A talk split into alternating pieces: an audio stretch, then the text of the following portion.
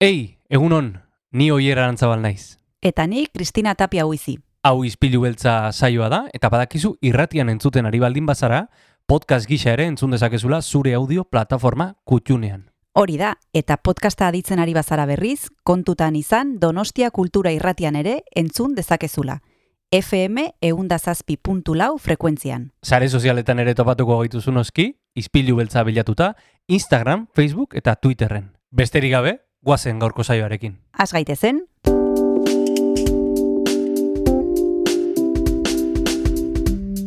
Ispilu beltza. Donostiako kulturaren berri, Oyer Arantzabal eta Kristina Tapia buizirekin. Egun honen zule, asteartea da, maiatzako gita iruditu eta bagoaz gaurko saioarekin, gaurko ispilu beltzean sartzera.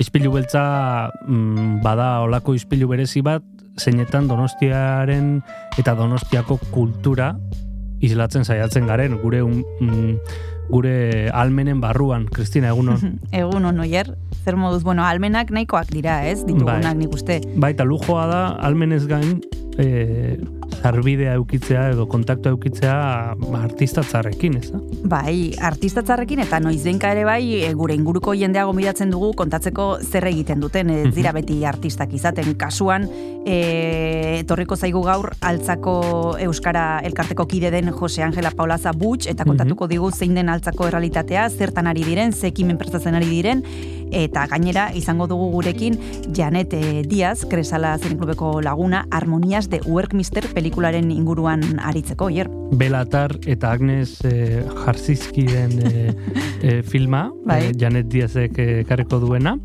eta izu, biak ere esan duzu ez dira artista, baina artista txarrak dira, entzungo duzuen bezala, Bai, e, gaurko ispilu beltzean eta horrez gain musika ere izaten dugu ispilu beltzean musika ederra, musika berezia Mhm. Asier errastik galbaetik pasatutakoa bai, eta bere baimenarekin hasiko dugu gaurko saioa. guazen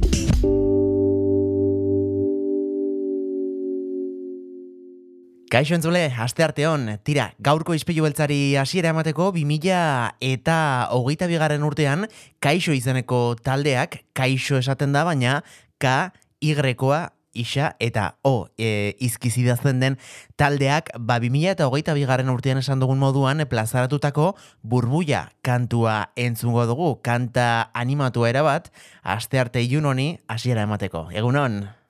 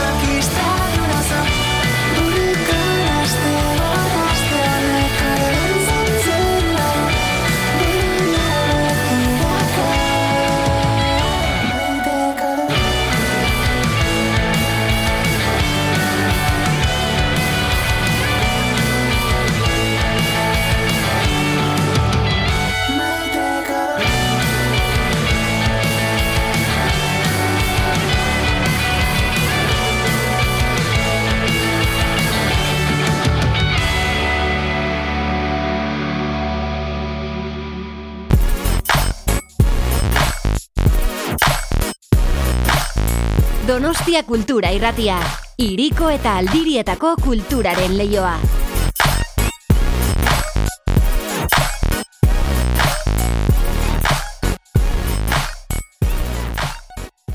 Gaur altzako Euskara Elkarteari buruz zarituko gara Donostia Kultura Irratian, bizarrain izena du izena eta bertako kide den eh, Jose Angela Paulaza Butch gomidatu dugu Donostia Kultura Irratira ispilu beltzara. Egunon Butch, zer modu zaude? Egun egun ondo, ondo, men. Zuen galderen zai. bueno, eta guzuen erantzunen zain. Azteko, eh, asko ezagutu gute bizarrain elkartea, izan genuen zuekin eh, hitz egiteko aukera duela hilabete batzuk, irratiaren eguna ospatu genuenean, eh, altzako kulturretxean, baina bada ezpada, eh, butx, eh, zer da bizarrain, nola eta ze helbururekin eh, sortu zen eta noiz? bueno, eh, bizarrain, eh, bueno, Euskal Zaleen eh, elkartea da altzan, eh, altza Mhm. ere muan eh, kokatu eta altza ere muan eh, lan egiten duen. Mhm, Duela hogei bat urte eh, sortu zen, bai, bai Euskarari kanpainaren eh, barruan, mhm, e, kontseiluak bultzatu zituen zenbait udalerrietan, ba, zenbat erakunde eta antolakuntza edo gauzatzeko prozesua eta hor bertan ba altzakoa e, sartu zen ere. Eta orduan sortu zen, eta orduan inguruan momentu hartan ba antolatu ziren ba zenbait e, bueno, altzako zenbait elkarte, eskola, en fin, e, eremu ezberdinetako gizarte antolakuntza jendea ba antolatu zen bizarren inguruan ba euskera bultatzeko asmoarekin. mhm, Bueno, baina ja pasa dira urte batzuk, gauza zeo zer aldatu dira. Bai, ez, orain egingo dugu aldaketa hoien inguruan, Bai. Nor ezineten e, orduan e, bizarrain martxa, e, nor, nor, nor zineten bizarrain martxa jarri zenuten pertsonak, e, Euskararekin lotura bazeneukaten, e, eskuntzarekin lotura, e, auzoko jendea, Bueno, bai, bat pizkat denetatik egon zan, ez? Bueno, batez ere e, bultzada hundiena, bai, izan zen pizkat e, Euskal Zale e, nolabait bil- bilatzen ari zen pizkat erakundetze prozesu bat, ez Mm. pizkat e, jendea pizkat antolatzea eta bar, eta orduan basegoen taldetxo bat, horren inguruan antolatu zen e, bizarrain, mhm, eta bertan ba bueno bai ba bueno ba eskoletako institutoko e, elizako eta beste zenbait e, bueno elkarte e, herriko elkarte ezberdinak e, ba, batu ziren momentu hartan. Eta orduan, e, duela goi bat urte, e, gauzak, e, bueno, eta realitatea e, bat zen, gaur egun beste bat da, helburuak aldatu egin dira butx urte hauetan, edo helburuak berberak jarraitzen dute izaten. Bueno, helburuak nahiko antzekoak, ez azken finean sortu zenean, batez ere helburu nagusiena zen pizkat euskeraren e, erabilera eta ezagutza, baina batez ere erabilera helduen artean, ez? Mhm. Osea, hori zen pizkat e, lan nagusiena edo momentu hortan bizarrainek e, hartu zuena, ez? Hor, Mhm. e, planteatu zen bai komertzioetan, kamertzioetan erabilera, e, kalean antolatzen ziren ekimenetan, eta bueno, bai baita ere formakuntza, ez? Eta eskuntza helduentzat eta bar, momentu hartan e, bazegoen e, aeka bazegoen e, altzan, eta, bueno, bazeuden euskaltegia, eta, bueno, bazegoen martxa bat mm, marko hortan, eta hori zen pizkat e, lan nagusiena, ez? Mhm, mhm, Eta momentu honetan, ba, gauzak aldatu dira, haietako jende, haietako batzuk e, ez daude, Mhm. e, elkarte batzuk ere desagertu dira, baina azken finean, helburuak antzekoa dira. Gertatu da, e, leku guztietan bezala, ba,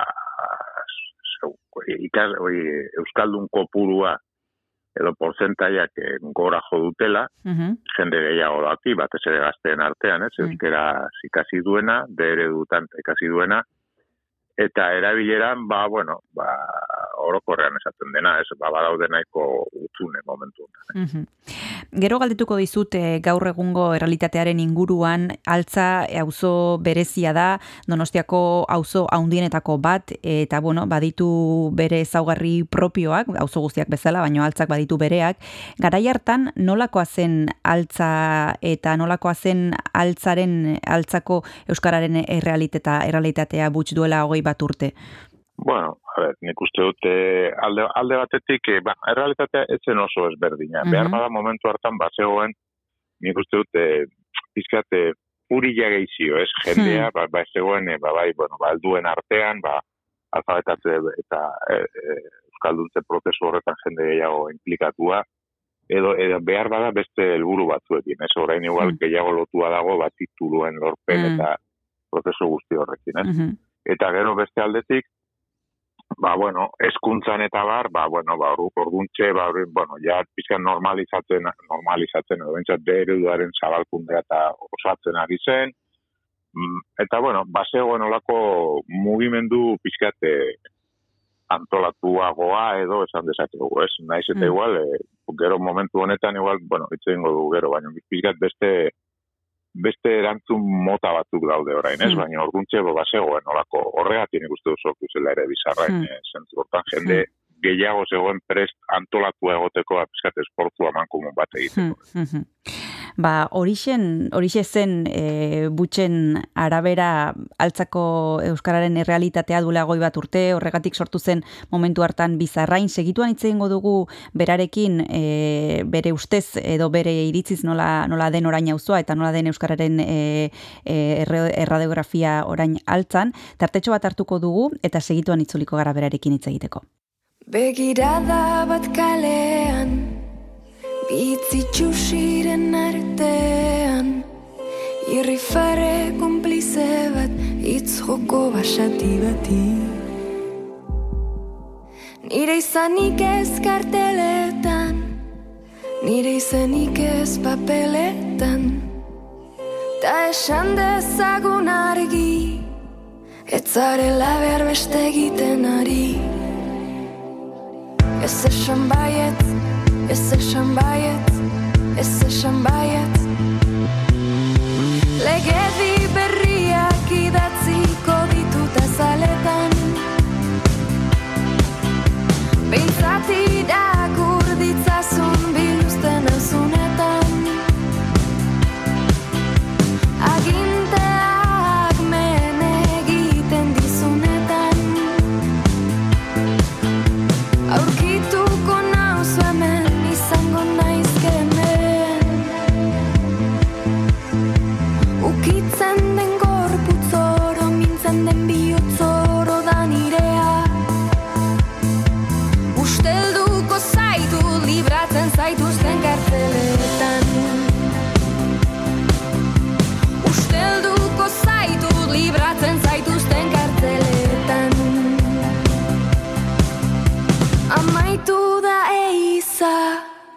Luzegia da zure krimenen geriza.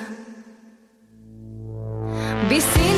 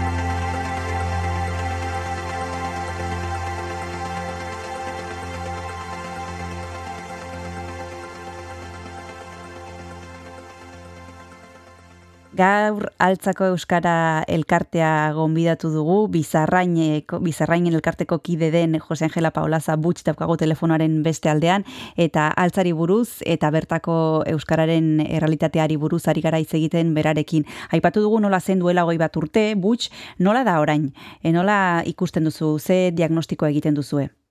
Bueno, eh, ba, a ber, eh, nik uste dut momentu honetan eh, ezagutza aldetik Penso zer aipatu dut ez, e, ba, bueno, nik uste dut zabaldu dela Bai, desente, osea, Bai. Euskaldun asko gaude altzan naiz eta porcentaian, ba igual, e, ba ezakit, e, porcentai gutxi gara, ez porcentai, porcentaia kontutan hartuta, baina Mm. bestela hartzen baitu zenbakia, ba desiente gara, ez? Batez ere gazteen artean, Mm. gazteen artean e, bilakaera handi bat egon da, gehienak e, ez de ereduan edo ikasten dute, eta nabaritzen da, nabaritzen da. Baina gero kalean eta erabil, eh, erabileran eta bar, ba, bueno, ba, badaude nahiko gabezi ez, edo gure ohiturak edo bakoitzaren ohiturak eta, bueno, erosoago egote horrek, ba, batzuetan eragiten du, ez, eta ez da horren beste nabaritzen. Hmm. Eta gero beste aldetik kalean eta bar, badakit, ba, bueno, ba, ez, e, e, kanpoko, ez, ba, iragarkiak eta gauza hauetan, ba, hor ez dago aldaketa hundirik, hor Hmm. dago dena nahiko, bueno, euskeraren presentzia, ba, ez da oso hundi, ez da oso. Eta jendearen implikazioa, e, butx, Elena aipatu duzu, bazegoela, mm, ez dakit, indar berezi bat edo momentu berezi batean sortu zen bizarrain eta hor nabaritzen zenutela zerbait, ez? Orain, e, naiz eta elkartean ez egon, eh? baino giroa e, Euskararekiko zein esango zenuke dela gaur egun? Bueno, a ver, nik uste dute altzan badaudela eh, nahiko indar eh, implikatuak euskeraren eh, izabalkundean, ez, Mm. zabalkundean eta erabileran. Osea, badaude zenbait ekimen eh, altza osoa hartzen dutenak, ba, bi, zaipatzearen, ba, ez dakit, ba, berso aroa, adibidez, Mm. mm. berso aroa, hasi zen eh, berso astea bezala, eta momentu honetan berso aroa deitzen da, eta egiten da, ba, pizkat urtean zehar, ez, badaude Mm. bers, bersoar, bersolaritzakin lotutako zenbait ekimen, justu orain e, maiatzaren hogeita batean dago altako plaza plaza gorrian e, arratzaldez ba, e, bertso saio bat eta hori mm, bi hilabetean behin edo badaude zenbait ekimen, ez? Da hori antolatzen bizarrai dago antolatzaileen artean, baina baita ere altzania eta altzako berso, berso saleak, eta hor badago hor mugimendu bat, eskero beste aldetik ba, ba, korrika inguruan eta korrika egiten den urteetan, ba, oso mugimendu sakona eta indartsua dago, ez, bai eskolak, ikastola, denak implikatzen dira, eta jendea ere kalean, ba, badagizu ez nolako eragin Hmm. korrika pasatzen den eh, momentuan, eta horren Hmm. inguruan eta antolatzen dira, zenbait eh, ekitaldi eta zenbait ekimenez, Mm, gero badago ere, ba, Euskaraldi sortu baino lehenago ja bultza genunen, bultatu genuen hemen ere, ba, altza deitzen genion e, e, prozesu bati, eta hor ere, ba, pizkat belarri prest, eta hor bizi den, e, bueno, sistema berbera erabiliz, pizkat Mhm. ikusi ze aurretik intzela bala sartzen, eta zenbait legutan ba hemen bultzatu genuen, eta hori ere mantentzen da, osea, badago urtean zehar, e, bueno, antolakuntza eta presentzia txukuna dauzkaten zenbait ekimen. Mhm. Oiek aipatu dituzu, bertso aroa, korrikaren inguruan egiten direnak, e, Euskaraldiaren e, esperientziaztik abiatuta egintzen dituzten e, gauzak butx, e, baino badira beste gauza batzuk, beste ekimen batzuk e, oso arrakastatsuak, adibidez gau beltza, eta beste batzuk e, antolatzen dituzuela, e, eta bueno, ezagunak direnak auzoan ez? Bai, e, bai, gau beltza ere izan da, bueno, berriagoa da, ez, baina, bueno, ukirkaren ara justu pandemiaren eta garaiak eta tokatu zaizkigu, baino baita ere, azkeneko, bueno, bi, azkeneko bi urtetan nahiko, bueno, arrakastatxo izan da, eta hor ere, batez ere, ba, gaztetxo edo ez, eskoletako ingurutako, bueno, ikasleekin tantolatutako ekimen bada, baita ere bertso paper e, lehiaketak, eta Hmm. bertso paper lehiaketa badago bai helduen mailan, e, aurten e, Arantxa Hernandez ez eta izena jarri diguna, bizarrengo lehen lehendakari esan den izenarekin Mhm. Jarri dugu, baina baita ere badauka bertso paperak, ba eskola eta ikastolen artean, e, bueno, bere errepikapena, ez? Eta hortan ere, ba nahiko arrakastatxoa sortatzen da, nahiko ikaslek parte hartzen dute, badago implikazio bat irakasleen arte, artean ere, eta bueno, badago bai, ore beste, beste mugimendu mota bat. Segituan jarraituko dugu hitz egiten bizarrain Euskara Elkartearen inguruan, bigarren eta azken e, tartetxoa hartuko dugu, eta esan bezala Jose Angela Paula Zabutxekin segituan jarraituko dugu hitz egiten.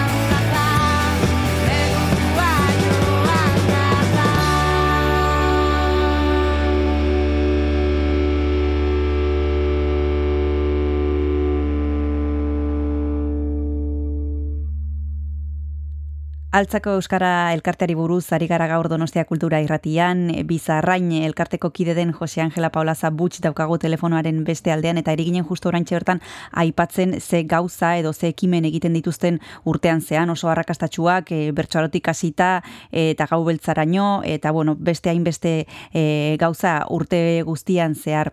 E, zer somatzen duzue faltan, e, Butx? E, ze gauza gehiago e, eskatu zenituzke eskatuko zenuten zuek e, udalari, e, jende arruntari, beste elkartei, e, zuen zerrenda, nahien zerrenda, zein izango litzateke eta norentzat?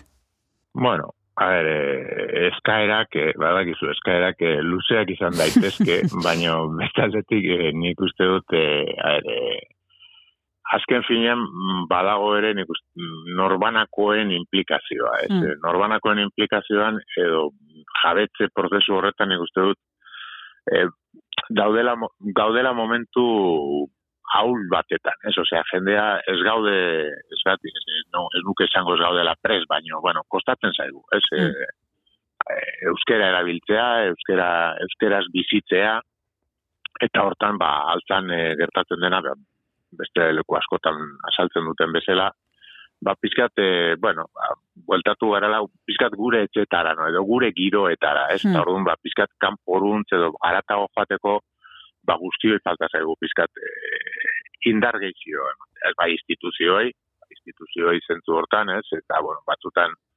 ba, eh, euskera, euskera zerbitzuen aldetik edo nostian eta udalen, ba, egiten dira zenbait eh, gauza, zabantzari gabe, eh, eh, baino falta da, nik uste dut hori, ba, pizkat eh, aurrera joatea, eh? nik uste momentu honetan behar dugula olako olako impulso bat, ez eta bestela, ba, bueno, pero ikusten ari gara ere, ba, beste maila batzutan ze, ze, ze prozesuak gauzatzen ari diren, ez, eta aipatzen ari naiz epaitegietan eta bare, Mm. eta orduan euskera pizkat, uste pandemia eta gero geratu garela orain pizkat eh, atzeago, ez, ez dago jendearen eh, nolabait lehentasunetan, ez, pizkat kokatzea eta pizkat indartzea, eta nik uste dut hori pizkat eh, sumatzen dara, sumatzen Mm. dara, ez. Mm.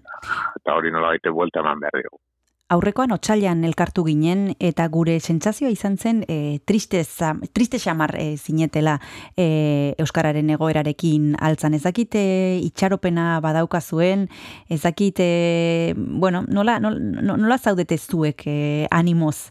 Bueno, nik, a ber, nik ez dut uste, a ber, azkenean, e, a ber, egon gaitezke pizkat, e, aurreti daukagun erronka, e, batzutan pentsatzen dugu, ba, karo, gu garen on artean ere, ba, ez gara, ez, e, eun data, ez, Hmm, e, sen, sensazioa erronka handiegia da, ez? Ja. Osea, eta momentu honetan erronka horren inguruan mugitzen diren indarrak edo ez edo olatuak ez daudela guztiak gure alde, ez? Nola ez esateatik. Baina, bueno, gu pentsatzen dugu e, euskera aurrera egin behar duela, egiten ari dela, eta hortan saiatu behar garela. Eta orduan e, badagoela, eta atzeti badatorrela beste belaunaldi bat, eta beste indar, indar batzuk, eta eta jarraitu behar dugula orain arte egin dugun e, lanean, ez? Mhm. E, aurrera egiten, eta gauz batzuk, ba, mm, lehen esan dudan bezala, adie- adierazle batzuk nahiko baikorrak dira, baina beste batzutan ba utzuneak e, nabaritzen ditugu, Mm. ez? Eta, eta, bueno, esan dakoa, erronka, ba, handia dela, ez? Handia dela, gure- guretzat eta guztion. Hmm. Erronka handia da butx ba- eta esan duzunagatik badator jende berria e, bizarrainen lan egiteko prest dagoena, zezuek duela goi urte hasi zineten eta pentsatzen dut, bueno, ba, jendeak ere urteak bete dituela eta beste jende bat e, etorri dela eta etorriko dela. Bor badaukazue e, ba, jendea gaztea e, prest dagoena zuekin batera lan egiteko, badago reemplazoa? Bueno, nik uste dut, badagoela hortan ere aldaketa bat, ez? Mhm. Osea, antolakuntza edo implikatzeko moduak ezberdina dira. Hmm. E, gu nabaritzen duguna da, zen, zenbait gauza antolatzen ditugunean, eta edo beste batzuekin aman komunean antolatzen ditugunean, ba, az, badagoela jendearen e, implikazioa, ez? Mm. Gero ja, e, norbait esateatik e, eguneroko antolakuntzan edo o- ohitura zaharrak mantentzen ditugune antolakuntza horietan, ba, hor ez da nabari. Hor azkenean gaude pizkat gutxi gora bera betikoek, Ja. ez? Baino, baina bai badago eta beste mugimendu batzuk, beste seinale batzuk, ba, eta jende gaztearen implikazioa beste modu batean, nabaritzen du ni behintzat, baina badago, badago. Eta badago adibideren bat edo ereduren bat zuei gustatzen zaizuena, elkarteren bat e, edo beste auzoren bat non ikusten duzuen e, gauzak e, asko aldatu egin direla edo antzeko zabiltzate guztiak? Bueno, nik, a ber, nire sensazioa da, ba, guk eh, batez ere daukagu harremana ez, donosti inguruan egiten Hmm. diren gauzekin, ez, gu nahiko aman komunean egiten dugu lana Hmm. bagerakoekin ere, ez, bagera elkartekoekin, Hmm. Eta sensazio nahiko antzekoa da, Hmm. eh, gu bizitzen dugun eh, moduan, ez, dakit, ikusten ditugu gauzak nahiko parekoak edo antzekoak, ez Mhm. badago hori, esan lehen esan dudana eta errepikatu dudana da, ezagutza eta gazteen artean ba, hori ezagutza hori zabaldu da eh, nabarmen eta bueno, falta dira hor salto batzuk, ez edo pulso batzuk eta gertatzen direnak momentu jakin batzuetan. Ordu hortan pizkate asmatzea da gure asmoa. Ez adibidez hori lehen ez altza adin batez ere lehen, lehenengo edizioan hori izan zen eh 2018an uste dut, eh, 19 ba nahiko nabarmen mugitu zen jendea. Mm. Eh, osea, guk eh, martxan jarri genuen hori, eta jende ezberdina, osea, jende momentu honetan, edo momentu horretan, etzegoena guzti, osea, aro lotuta guk egiten genituen gauzekin. Mm. Eta orduan, en momentu hartan, zen, eta gero jarraitu izan du, Euskaraldiarekin eta bat, eta guk aurten ere, errepikatuko dugu, eta pensatzen dugu, Euskaraldia bi urtean, bi urtetan behin izaten da, Bai. baina guk altza adikoa mantentzen dugu urtero, Mhm. eta pentsatzen dugu badaukala eragina e, batez ere bakoitzaren autokonfiantza horretan, ez nolait Mhm. euskerarekin daukagune konpromiso edo lotura hori e, jendearen aurrean azaltzeko eta hitz egiteko azkenean ba hori txapa jartzea, identifikatzea, prozesu hori uste dugu oso oso interesgarria dela. Bueno, hori da egiten duten gauzetako bat, aipatu ditugu hemen beste batzuk oso gauza politak e, urtean zehar, eta gero egunerakoan ere bai, e, bizarrain elkarteko kideek jarraitzen dute lanean, ena izan ez gero, badaukazue e, aukera gerturatzeko, hemen izan dugu gaur Jose Angela Paulaza butxin gauza batzuk kontatzeko, baina esan bezala altzako Euskar Elkarteak urte guztian lan egiten du, e, eta bueno, nahi izan ez gero, hortxe daukazue aukera gehiago ezagutzeko elkarte honen lan. Eskerrik asko, e, butx izpilu beltzara etortzeagatik eta aurrengo arte bezarka daundi bat. Bai, zuei ere eskerrik asko e, aukera emateatik. Agur. Ondo izan, agur bai.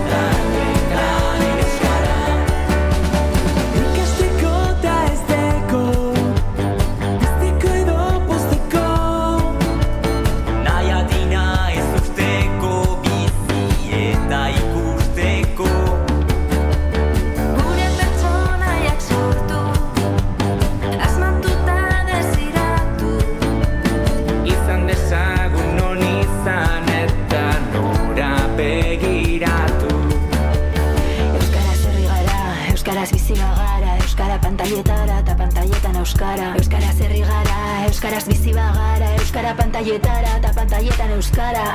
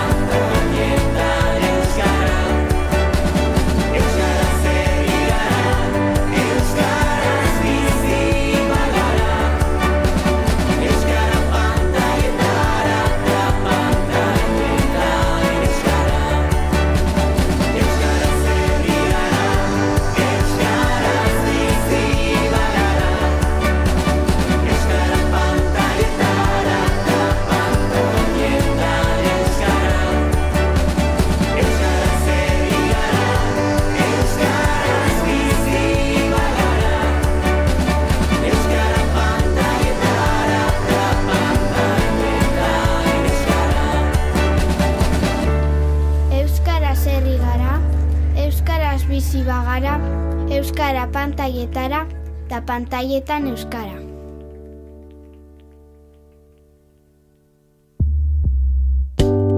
Gogoratu izpilu beltza entzuten ari zalera Donostia Kultura Irratian, baina nahieran ere topatu dezakezula podcast gisa gure saioa. Edozein audio plataformatan arpidetu eta Kristina Tapia Uizi eta biok asko eskertuko dizugu. Orain jarrai dezala saioak.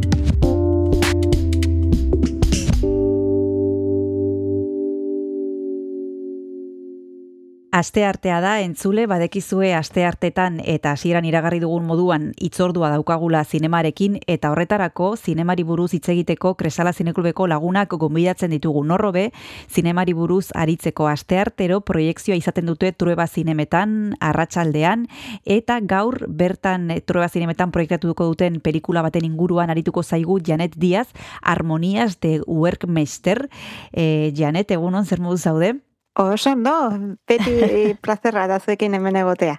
Aurrekoan okerez banago hitz egin genuen giza eskubideen zinemaldiari buruz eta gaurkoan ja itzuli zarete e, proiekzio arruntekin gaur arratsaldean jarriko duzue Harmonias de Work Workmeister e, pelikula, Hungriatik datorren pelikula, 2000 garren urtekoa da. Pelikula luzetxoa bi ordu eta gehiago irauten duena, Belatarrek eta Anez e, Aranitzki e, zuzendutakoa. Eta beti bezala galdetu behar dizut sinopsiaren inguruan. E, zer kontatzen digute autorek pelikula hontan, Janet? Ba, ez dut spoiler egingo, tengo dut hola labur, labur, laburki jende animatzea saiora etortzea, ze historiara, ba, bueno, e, herri batera, e, bertako Ungariako herri batera iristen dalako e, zirko ero espektakulo ambulante bat, e, ba, printzipioz esaten dutena dakatela e, bale erraldoi bat e, eta jendeak bizitatu ezakela balea, eta gainean, ba bueno, hor badago pertsona misterioso bat, printzea deitzen, printzea hori bai deitzen dena, Mhm. eta bueno, jokoak emango du bai balea, bai printzea, eta herritarrak bai. Mhm. Eta zer da gehien gustatu zaizuna pelikula hontan, e, Janet, zer engantzatu zaitu?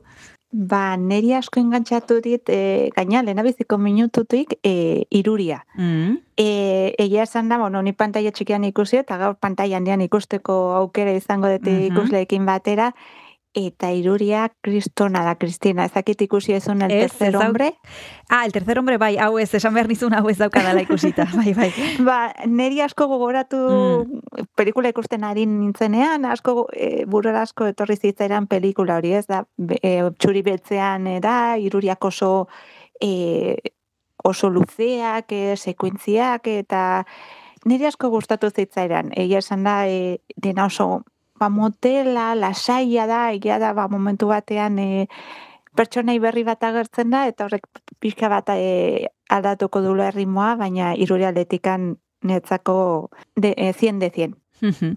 Irudia eta historia bera ere e, erakargarria egin zaizu zemen zerrenda batzuetan agertzen da hogeita bat garren mendeko pelikula honenen artean, ezakit e, ados zauden, e, Janet. Bai, nik uste baiet, gaina gure artean komentatuta asko gustatzen zaigun pelikula da, ze historia oso simplea diruri, ez? Bale, erraldoi bat izten da e, herrira eta deno jongo, ba, jut, ikusteko aukera izango dute, ez?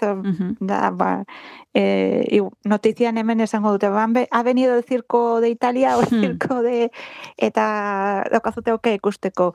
Historia hola begiratu oso simplea dago, simplea da, baina egia esan da, e, ba, asko komentatzen dute, eta egia da, ba, hor, betik eta horratzetik ba, badagola olako e, elementuak e, simbolo, simbolikoki ez, da, asko esatute ba, bale hori ba, Hungria e, representatzen dula, Mm. eta bere ba, e, ba, pixkatez hor hiltzen dagola e, ezagutzen den e, e, Hungria, eta horregatik ba, legi- erraldoi hori ia hilda edo hilda dagona, Eta bai, e, historia hola irakurri eta printzipioz e, bai interneten, ero bai gure e, panfletoetan, ero boletinetan, oso simpleari irure eta oso normala, baina horatzetikan badu hor mamia hor komentatzeko.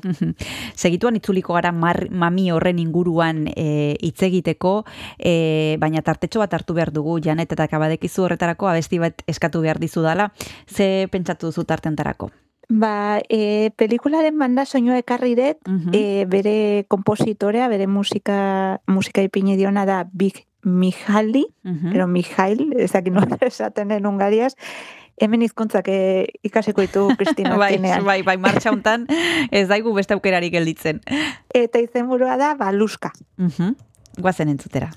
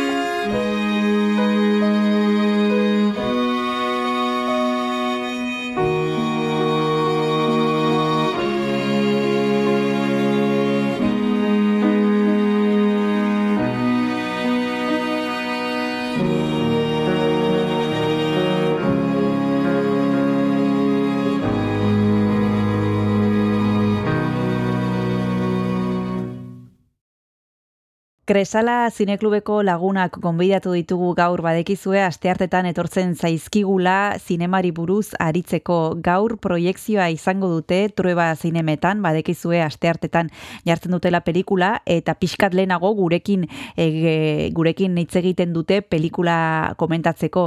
E, kasu hontan e, Harmonias de Workmeister e, pelikula jarriko dute. Badekizue hasieratik baldima zaudete gurekin Hungriako pelikula dela.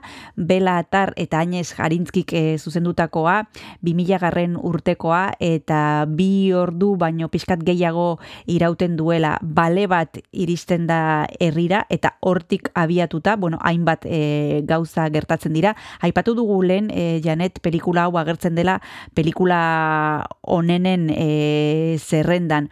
E, eta kritikak ere oso ondo jarri zuen, e, ja, ia, ia, e, hogeita bosturte ditu pelikulak, e, nik ezakit e, ondo mantentzen den, ongi aguantatzen duen e, denboraren, denboraren pasoa. Bai, nik uste baiet, eta konfesatuko et, e, ikusi nuenean pelikula, nik uste nun ba, Orson Wellesen garaiko pelikula bat Mm. dela, imaginatu no- nola man, ondo mantentzen da, eta zer lortu duen belatarrek eta Mm. anexe zuzendariak, ez? Mhm. Et, et ba, ba, bueno, gero ikusi nun 2000ko pelikula zera, eta esan nun, po, vale, ez da klasiko bat, baina bueno, itxuraletikan bai, os, netzako oso ondo oso ondo mantentzen da, iruria espekte oso polita da, oso ondo lantzen ditu txuri betzak, e, iluntasuna, argiak e, bai asko du e, garrantzi filmean, eta pertsonaiak oso ondo daude Mhm. irurikatuta, e, eta iesana bai luzea da, baina netzako e, ez zitzaidan oso luzea iruritu. Mhm. Hainbeste murgintzen zea historioan eta pertsonaietan ze, segituan pasatzen zaizu bi ordu tapiko. Mhm. E, batzuek esaten dute misterioa badagoela, poesia ere bai, e, ados zaude Janet, badago misterioa, badago poesia, Bai, e, bai, misterioa bai noski dago, ze badago hor pertsona bai printzea e, deitzen dena, Mhm. inork ez du ikusi, ero gu ez dugu e, bi ordu tapikotan ikusiko, bai, momentu batean zerbait entzungo dugu bere hautik ateatzen, baina ez dugu Mhm. inoiz ikusiko, eta karo, noski, bale, bale bat iristea herri batea, ba, nork ekarri dut, ze, Mm. zertako, ez? E, Horko misterioa ba, bai, badago. Mhm. Bigarren tartetxoa hartu behar dugu pelikula honen inguruan e, hitz egiten e, jarraitzeko. E, lehen aipatu duzu edo gomendatu duzu e, soinu banda eta ezakite bigarren tarte, ontsa, tarte ontarako e, janet ze musika gomendatuko duzun. Ba, pixkat urrunduko naiz e, banda soinutik, eta gauza moderno, modernoagoa ekarriet, e, abeslaria da Freddy, eta bestia Pioner. Ederki, bagoazen entzutera.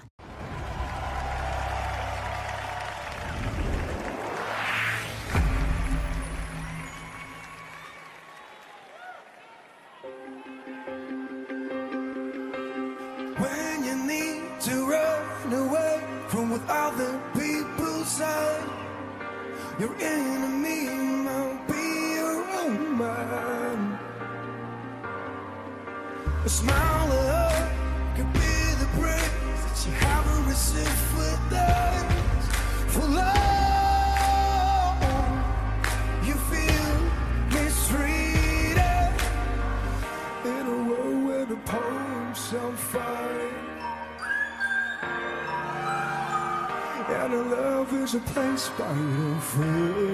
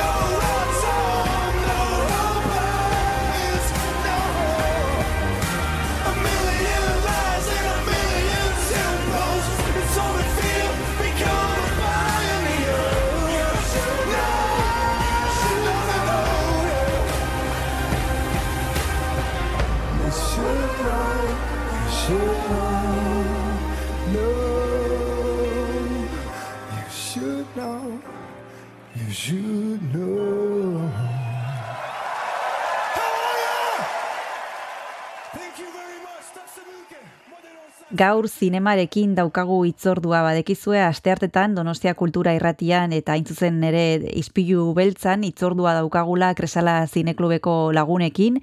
Kasu hontan eh, Janet Diaz daukagu telefonoaren beste aldean eta gaur arratsaldean Trueba Zinemetan jarriko duten pelikularen inguruan ari zaigu hitz egiten Harmonias de Werkmeister 2000 garren urteko pelikula da Hungriakoa Belatarrek eta Añesek Añez eh, Arintzkik eh, zuzendutakoa. Eta nahiko nuke pixka bat eh, bukatu baino lehen janet aipatzea nortzuk diren e, Belatar eta Añez Arintzkik e, Arintzki. E, normalean elkarrekin e, lan egin izan duten e, zuzendariak dara dira bere bizitza personala ere momenturen batean e, partekatu dute. E, zer esan dezakegu e, autore hauen inguruan Ba, nik uste e, batera asko lan egin dutela, baina nik uste e, klar, egia esan da asko e, aipatzen dugunean pelikula, ero e, beraien filmografia asko esaten da belatar, ez? Mhm. Asko, bai nik uste e, kasu honetan asko entzuten dela Bai. belatarren izena Bai. eta ezain beste Agnesen, Bai, hori da. Agnesen izena. bai Askotan gertatzen da, ez? Bi Mhm. zuzendari eta batek e, gehiago entzuten da, bestea baino. Baina bai, eta nik uste te, alako filmak egiten badituzte batea, eta jarraitzen balin badute alako filmak ikusten, e, esango nuke gaztelaniaz esaten den bezala, e, que el espectador se agarre la silla, ze vienen turbulencias, Mhm. ze, bai, harmonia ze ikusita, e, zuzendari oso potenteak dira nietzako. Mhm. Bueno, aipatu behar dugu, e, Hungriakoak e, direla biak, e, Belatar jaio zen e, mila beratzireun da berrogeita garren urtean, e, ibilbide oso luze eta ospetsua e, egin duen zuzendaria da, e, gidoigile lanetan ere ibilitakoa, aktore bezala ere bai, eta bueno, hainbat sari lortu ditu, ba, bueno, kanesen egon da, e, beste hainbat sari lortu ditu, eta bidean e, bere emaztearekin, Añez Arintzkirekin e, lan, lanak e- egin ditu, esan behar dugu Añez Arintzki ere e, Hungriakoa dela, mila beratzirun da berrogeita basgarren urtean e, jaiotakoa dela, eta bera e, montajista, eta zuzendaria dela elkarrekin, bueno, ba, El Caballo de Turín, eh, El Hombre eh, de Londres egin ditu emakumeak, eta eh, berriro esan bezala elkarrekin Harmonias de Workmeister. Beste pelikularen bat ikusi duzu eh, Belatarrena eh, Janet eh, eta Añez eh, Arintzkirena, Ba, esango ez, hau da nire lehendabiziko e, pelikula, eta baina, bueno, egia esan da, sartu zaite, hor gusanillo gehiago ikusteko, eta ipartu behar dut baita ere, pelikula hau harmoniaz de work, a ber, esaten duan, no? Workmeister, e, liburu batean oinarrituta dago, Ah. e, Laszlo Krasnajo, a ber, iz- abizen honekin ebai, a ber, Krasnahorkai, idazlearen melankolia la resistencia liburua e, liburan oinarrituta dagoen pelikularela, Mhm. osea, que dena dago hor, e, ba, bueno, nahi bai grina sartu zaitez, libura irakurtzeko, gaina hemen ondoan dakat liburua, liburutegitik eh, ateratakoa, eta ba, nik gomendatuko nuke, bai pelikula ikustea, bai libura irakurtzea, eta beratarren eta Agnes e, Rantzinski e, zuzendariaren e, pelikulak ikustea. Mhm. Beti galdetzen dizuet, eh, ez dakit kasu hontan eh, egongo den zerbait, baino janet, bada, egonda zerbait ez zaizuna hainbeste gustatu pelikula hontan. Ba, zer esango izu, Kristina, kasu honetan bai. Borobila dela. Niretzako ez dago, bai. Ea aurkitzen dugun pata ez dela hainbeste borobila. Ba, bueno, principios harmonias bai, o, netzako oso Mm. borobilara. Bueno, oain gogoratzen, bai egia dela badagola pertsonai bat, ez, del, ez zaitela asko, asko, asko gustatu, baina bueno, e, bere puntua ematen dio pelikulari, pertsonai, emakume bada, e, pertsonaia, e, protagonistaren familiakoa, Mhm. eta baina bueno hor egon behar du ze Hmm. zeharo aldatuko du pelikularen erritmoa eta e, ba erroratze bueno nola erroratua dagoen modua ebai así que Mhm. esango dugu borobila dela. bueno, pelikula borobila hau zeinentzat da, Janet, eh, zein gomendatuko zenioke? Ba, amabi amairu urteko gaztei agian ez, baina mezortzi urtetik gorakoei bai e, bereziki ze oso hainbat gai ditu horatzean e, potente eta gaina bi ordu hor e, intenso hor begiatzen e, ba, herriaren historia, eta bueno, nola ikusiko baita ere, ba, nola e, herriak hartuko duen bale, balea bere plazan, eta nik uste temezortziti urtetik orakoei ba, nahirunak, barakin nun gauden. Eta esan bezala, beti esaten dugu eta beti azpamir, azpimarratzen dugu proiekzioaren ondoren e, solasaldia egongo da. Kasu honetan, nork gidatuko du, Janet? Ba, oraingoan ez dakit denbora eukiko dugun e, solasali eukitzeko, ze pelikula esan bezala oso luzea da, egun meretzi minutu e, ditu.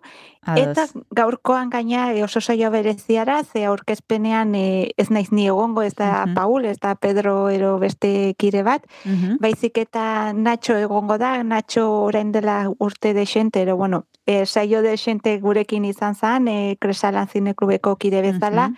Eta gaurkoan berari, berak aurkeztuko du pelikula. Ederki, ba, sorpresa honekin uzten zaituztegu, badekizue arratsalde hontan, arratsaldeko zazpi terdietan okerez banago, e, Harmonias de Workmeister pelikula jarriko dute Kresala Zineklubeko lagunek, Trueba Zinemetan izango da, e, eta eskerrik asko, Janet beste behin izpilu beltzara urbiltzeagatik, e, urrengora arte bezarkada bat. Besarkara.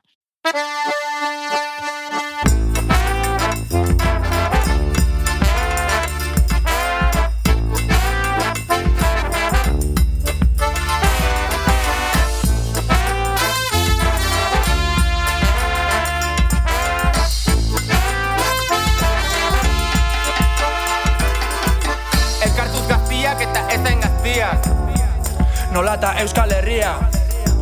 Bras banda eta trikitia Rocken Brother eta Chill Mafia,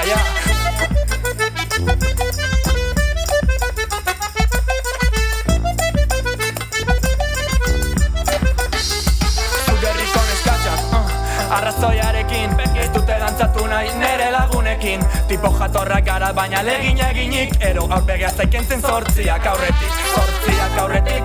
Galdutan abil Rocken brother mafia chill, mafia mafia chill. Zure ondoan egotea baino nahiago nuke hil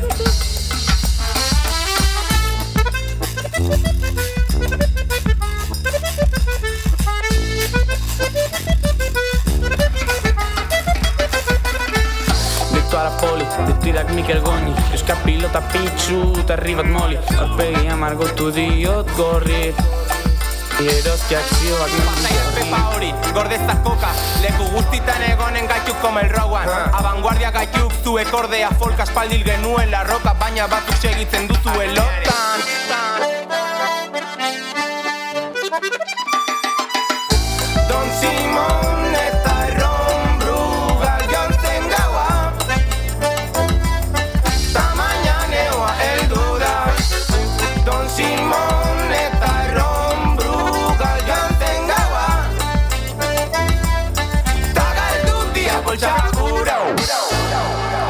Lanazo bat diagu. Gure ikastola oian pepa bat hartzera jun Irrinak aintzina jotako kantak entzun. Ignacio, llama a los municipales.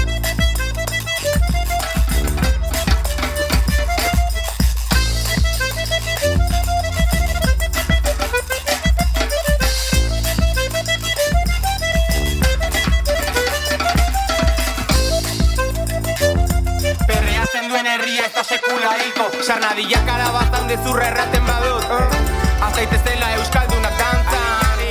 Doinu berriak plazan. Tabakoa eta patxarana deitu idake txaun. Tabakoa eta patxarana deitu idake txaun. Fuck dopla eta gora erramun. Eskuntza bala naiz ezagutzen bazaitut Baina ez flipatu txiki drogaz da musu truk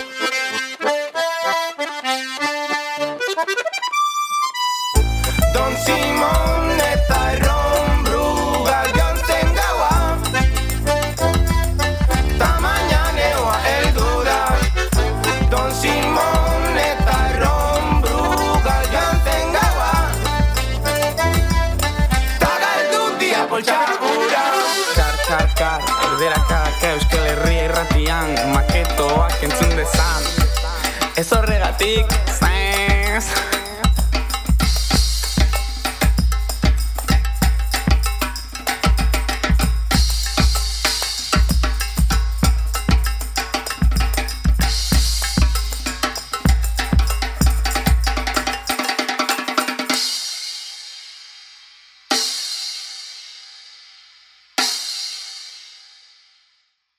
Amaitu dugu aste artea, amaitu dugu honen beste zizpilu beltza, eta e, Kristina gogoratuko dugu mm, gaur aste arte dela, baina egunero egunero, asteak irauten duen bitartean, aste arte, izpilu beltza izaten dela e, Donostia Kultura Irratian, eta egunero egunero, bueno, ba, jende interesantea etortzen dela, batzutan e, sortzaileak, besteetan antolatzaileak, danetarik. Mhm, Denetarik, eta bihar izango dugu sortzaile bat.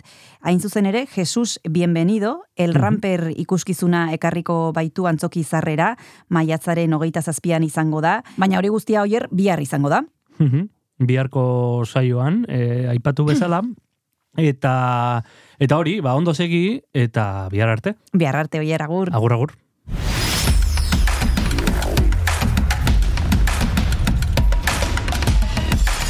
Donostia Kultura Irratia. Zabaldu gurekin Donostialdeko kulturaren leioa.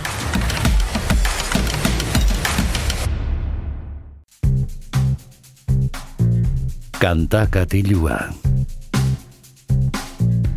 Kaixo entzule, zer moduz dijo aste artea.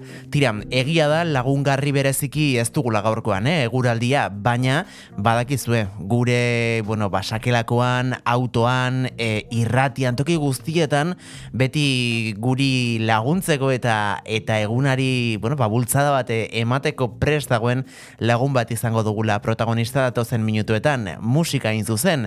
Eta gaurkoan nik uste dut azkeneko hilabete eta meintzat, e, inoiz egin dugun denboran e, jauzirik handien egingo dugula. Mila bederatzireun eta laurogeita amazazpiko maiatzera egingo dugulako salto gipuzkoako amasan, e, amasako estudioetan grabatu zen diska bat entzungo dugu. Iñaki Salvador eta Zilbor Estea taldearen bita upada latidos diskoa entzungo dugulako datozen minutuetan hemen Donostia Kultura Irratiko kantakatilua atalean. Iñaki Salvador eh, pianoan, eskusoinuan, moldaketa moduan eta, bueno, ba, zuzendari musikal gisa, Amaia Zubiria handia ahotxe moduan, Jesus Artze eta Kirikoketa taldea, eh, Mikel Artola, Pello de la Cruz eta Iker Muguruza txalapartan, Gonzalo Tejada kontrabaxua jotzen, eh, Victor Zelada perkusioan eta baterian, Luis Caminorekin batera, eta saxofoi sopranoan Josetxo Silgero, eta gitarra akustiko eta elektrikoan Angel Unzu ibili ziren, ba, aipatutako bita upada latidos diskoa grabatzen. Laurogeita ama zazpikoa, e, lasaia, mm, geldoa, baina mm, dudari gabe, ederra. Gozatu. Kalia kantu zogipetik Uztari lagorriletan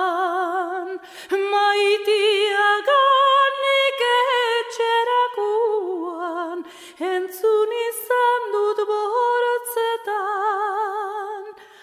Amorioak bainera bilka Arena teleioetan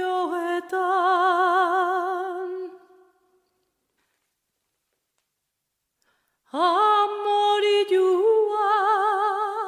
aia modio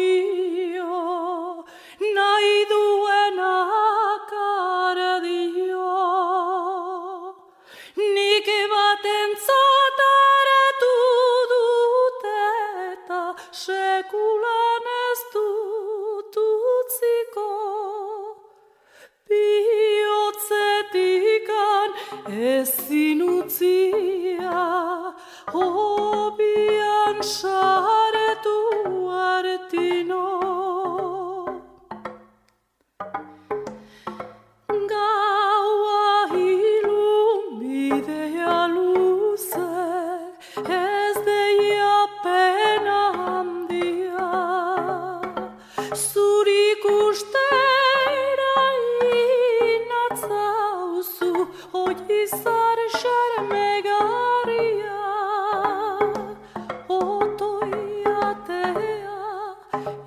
que nous